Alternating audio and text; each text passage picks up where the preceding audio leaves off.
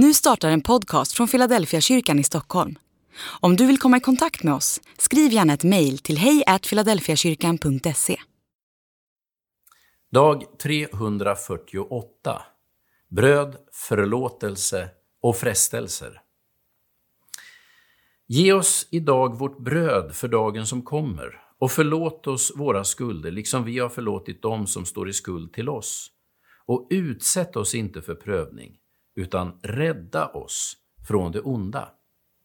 Matteus kapitel 6, vers 11 13.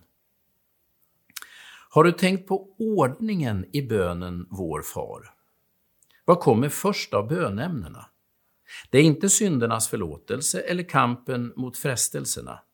Det är brödet för dagen. Det första Jesus säger att vi kan be om är bröd på bordet.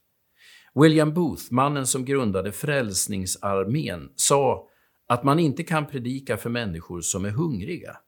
Det är ingen idé att prata om synder och frestelser för människor som inte har bröd på bordet. Det finns något djupt mänskligt i ordningen i bönen. Man behöver en säng att sova i, kläder på kroppen och mat i magen innan man börjar tänka på synderna och frestelserna. Om man inte har livets nödtorft så kommer all kraft att handla om det. Det finns helt enkelt ingen energi att lägga på vare sig synder eller frestelser. Jesus säger att vi alltid kan be om bröd på bordet för dagen som kommer. Vi kanske inte kan be om bröd på bordet för resten av året. Det finns begränsningar för hur mycket Gud förser. Paulus skriver till Timoteus om människor som har mist förståndet och tappat bort sanningen och som anser att religionen ska löna sig.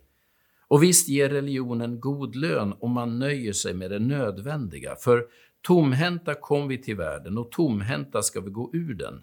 Har vi mat och kläder ska vi vara nöjda. Första Timoteus kapitel 6, vers 5 8.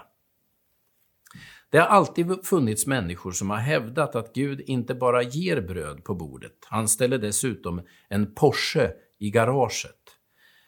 Men det säger inte skriften. Har vi mat och kläder ska vi vara nöjda. Men du kan alltid be till Gud om mat för dagen, kläder på kroppen och en säng att sova i.